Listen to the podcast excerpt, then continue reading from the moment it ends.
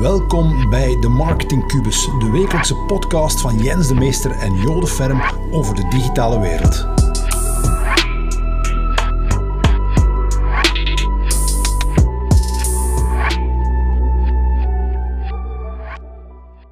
Jens, ik was gisteren op een netwerkevent van netwerkers.be, een online netwerkevent natuurlijk. Fantastisch. Ja, en ik gaf daar uh, een korte presentatie over ons Framework for Growth. Ja. En het ging op een gegeven moment ook over video's. Ja. En die mensen, dat was, een, dat was een heel goede vraag, die kwam van een van die mensen die zei van, ja maar pff, waar blijf je altijd die inspiratie halen van de video's?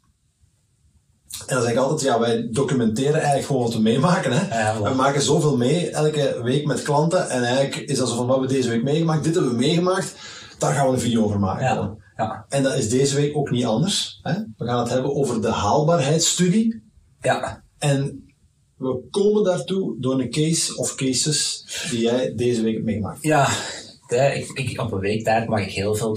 Ik werk van 8 tot 8, dus er komen er heel veel dingen tevoorschijn uh, voor mijn scherm ook. En um, ja, een van die dingen is bijvoorbeeld als klanten met mij in zee willen gaan, of met JG's natuurlijk, niet alleen met mij, want we hebben ook een topteam. Um, dan, als ze met JG's in zee willen gaan, Ja. dan willen ze altijd, ja, een afspraak. En in die afspraak, wat doe ik daar? Ik doe al een analyse, maar ik doe ook al een scenario, zijnde de haalbaarheidsstudie. Ja, dat is de spreadsheet die je boven haalt. De spreadsheet, een heel simpele spreadsheet, Ja. die toch al heel veel mensen doet nadenken. Ja. En dat, dat is wel wil genereren natuurlijk. hè. Want wat ik nu wil, uh, is een situatie terechtkomen dat op voorhand niet is gecommuniceerd over de haalbaarheid. Zeg altijd, dit is de haalbaarheid, dit is waar we overeengekomen zijn. En dit is ook, Mhm. dat zijn de cijfers, de cijfers liegen niet. De haalbaarheid en ook de verwachting van de klant. Voilà, maar ik, ik, en ik zeg ook altijd, ja, dit is wat er, dat gaan we samen door de spreadsheet en dit is wat je kunt verwachten. Ja. En wat er in die haalbaarheid staat, zijn eigenlijk drie scenario's die we aan uitwerken. Mhm. Ja. En die drie scenario's zijn gebaseerd op volgende cijfers. Ja. Dus waar gaan we naar kijken? We gaan naar verschillende... was scenario 1? Scenario 1 is altijd uh, ja, het huidige, scena- het huidige scenario. Ja. Waar we gaan kijken naar de huidige cijfers. Ja. Dus we gaan kijken bijvoorbeeld oké, naar de kost per klik. Stel dat de persoon vandaag de dag al adverteert in Google. Dan vraag ik, wat is vandaag de dag de kost per klik? Ja. Dan zeg je tegen mij, oké, de kost per klik is 1 euro. Dan weet ik, voor 1000 euro advertentiebudget in Ja. Google gaan we 1000 mensen naar de site kunnen sturen. Maar sommige mensen adverteren nog niet, hè? Sommige mensen adverteren nog niet. Dan, wat ga je dan doen? Dan ga je Ja. in Google het Ja. keyword tool checken. Wat is de gemiddelde Ja. klik? Spel advocaat van de duivel, hè? Dat is interessant voor bedrijven die een product hebben met een aankoopintentie. Ja, Maar stel nu dat ik een nieuw product heb. ja. Ja, je op Facebook gaan, hè. Ja. Op Facebook of LinkedIn of andere kanalen. Ja. Eigenlijk wat willen we doen, kost per klik willen we weten, wat kost het ons om één bezoeker naar de website te sturen? Ja. Dat is wat Oké. we willen weten. Ja. Voilà. Dan, als we het framework voor growth volgen, weten Ja, we, ja. wat is de volgende stap, joh? Eh, de conversieratio? Voilà. En dat hangt natuurlijk af van de verschillende cases. Hè. Is het een bedrijf, is het een webshop? Mhm. Of is het een, een, een, een, een bedrijf met een B2B bedrijf met een uh, Ja, een langer, sales team? ja, een langer traject? Ja. Aanvraag, Ja, ja, sales team. Ja. Dus als er een sales team in zit, is er nog een extra conversieratio. hè. Dus maar een webshop is gewoon een bezoeker die op de site komt en converteert. Mhm. Oké. Ja. Maar in B2B verhaal is het, oké, een bezoeker komt op de site, wordt een lead. En dan moet die lead nog omgezet worden Ja. naar een sale. Ziet hier, hè, bezoeker naar lead. Als je nu online kunt verkopen, dan gaan wij eigenlijk steeds uit van 2% standaard. Hè. Als Ja. de mensen het niet weten, dan zeggen we, oké, laten we even van een standaard procent van 2, 2 uitgaan. Dan weten we dat dat gemiddeld is. En dan kunnen we misschien nog gaan verhogen in de toekomst. Maar dan moeten we gaan testen wat ook die 2 is. Maar van lead naar klant, ja, dat is bij elk bedrijf anders. Hè. Dat is informatie die van het bedrijf zelf moet komen. Daar kunnen wij niet op inschatten. Nee. Hè. Bij ons is dat bijvoorbeeld 30, 40 procent. Ja. Maar je moet ook nog eens kijken naar de tijd dat er Ja. overheen gaat gaan, moet je ook nog ergens in rekening brengen. Ja. Maar dat is het conversieratio. Ja, 30, 40 procent, dan uh, dat is kwalitatieve leads dat je aangereikt krijgt. ja dat waarvoor dank. Maar uh, natuurlijk, het is wel goed dat je dat zegt, die 30, 40 procent. Waarom? Omdat heel veel bedrijven dat niet weten. Nee. Die hebben geen CRM-systeem. Nee. Kom ook bij, bij bedrijven die echt al heel veel uh, honderden duizenden euro's omzet draaien, maar die daar niet gestructureerd hebben, hun, Nee. hun aankoopproces. Nee. En dat vind ik dan, vind ik dan straf. Hè? Ja. Dat is, allee, die hebben het niet formeel gestructureerd natuurlijk. Hè? Nee. Ze hebben wel een structuur, maar die structuur is niet gedocumenteerd. En Als er dan bijvoorbeeld een nieuwe sale zou komen, dan weet je niet van, oké, hoe, hoe marcheert dat jij? Nee, klopt. En de alignment, hè, daar hebben we het ook al vaak over gehad.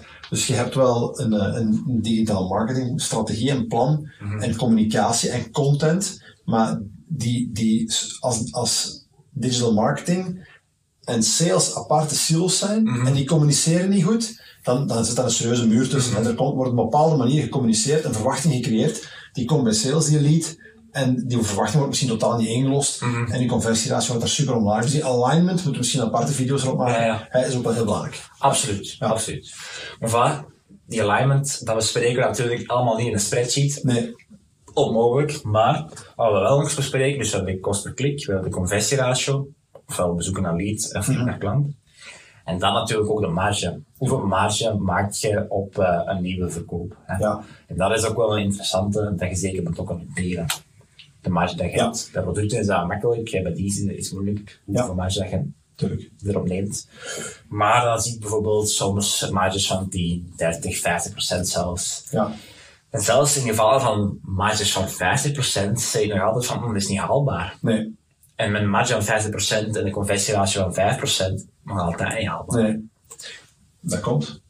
Omdat het, de lifetime value te laag is Ja. van de klant. Ja. Dus je kunt maar één product verkopen van 50 euro bijvoorbeeld, dan pakken ze 25 euro marge, ja. Dat is nog te weinig. Ja. Dus je zit met die kost per klik van een euro en dergelijke. Dat, zijn wel, dat is wel absoluut, eh Ja. dat zijn absoluut Dus cijfers. percentage is interessant om te weten, Ja. maar het gaat eigenlijk naar de euro's hè, die je moet afwegen tegen Ja, de kosten. Ja. Ja, voilà. Alright. Dus je moet ook zien naar de absolu- absolute cijfers. Er, er was ooit een, eh, een, entrepreneur hè, die, die, waar ik ooit mee gebabbeld heb en die zei ik verkoop geen producten onder de 500 euro. En dat ging niet om die procentuele marge, maar dat ging om die marge euro's. Die zei ja, ik heb minstens een paar honderd euro nodig om echt te gaan schalen in die, in die kost per kliks. Dus euro's zijn belangrijk, niet alleen procenten. Ja, nee, absoluut. Absoluut. Voilà. Die marge is belangrijk, maar dan natuurlijk, ja, u kunt natuurlijk een marge verhogen, is Ja, door meer te gaan verkopen aan dezelfde klant. Want dit hier is de marge, gaan we kijken naar lifetime value. En Ja. niet slechts naar één verkoop. Ja. Omdat we ervan uitgaan, oké, dit is onze acquisitiekost voor één verkoop.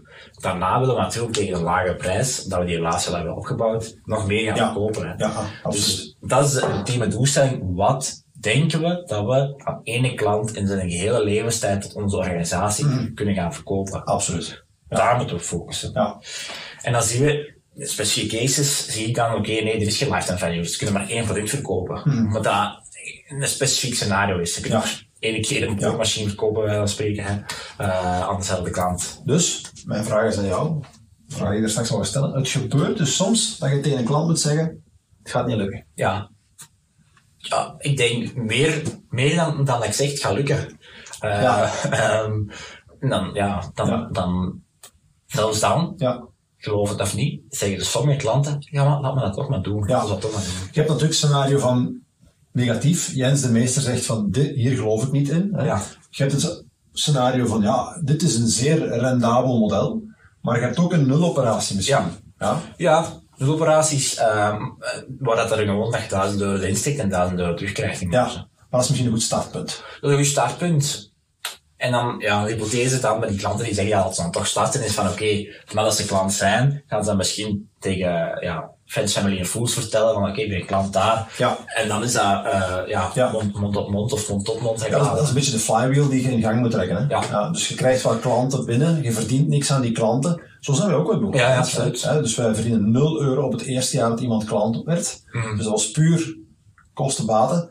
Eh, maar na een jaar verlengden die klanten Ja. hè, en begin je marge te maken. En we moeten onze klanten gewoon heel lang houden. Mhm. en, en misschien ook iets extra proberen te verkopen aan diezelfde klanten. En dan wordt die acquisitiekost blijft misschien zwaar, maar on the long term, long term hè, kan je wel een rendabel model Mhm. op gaan bouwen. Ja. Voilà. Oké, maar alles begint bij de haalbaarheidsstudie. Dat is een simpele spreadsheet die ik met veel plezier wil delen Ja. eh, aan de mensen die deze video bekijken. Ja. Laat gerust weten in de comment of dat je die haalbaarheidssheet wilt. Het is super simpel. Ja. Dat is echt letterlijk tien rijen. Maar die tien rijen merk ik wel, door ik ga overloop met een potentiële klant, dat die echt al denkt van, ah ja, oké, dan moet ik focussen op meer upselling of cross-selling, nieuwe producten in mijn gamma aanbrengen. of mijn prijs aanpassen. Of de prijs aanpassen, of marges, meer marges fixen. Dus uit een simpele spreadsheet van 10 rijen kun je eigenlijk al gigantisch veel Ja, voorspellen en zien Oké. oké, wat het gaat geven. super.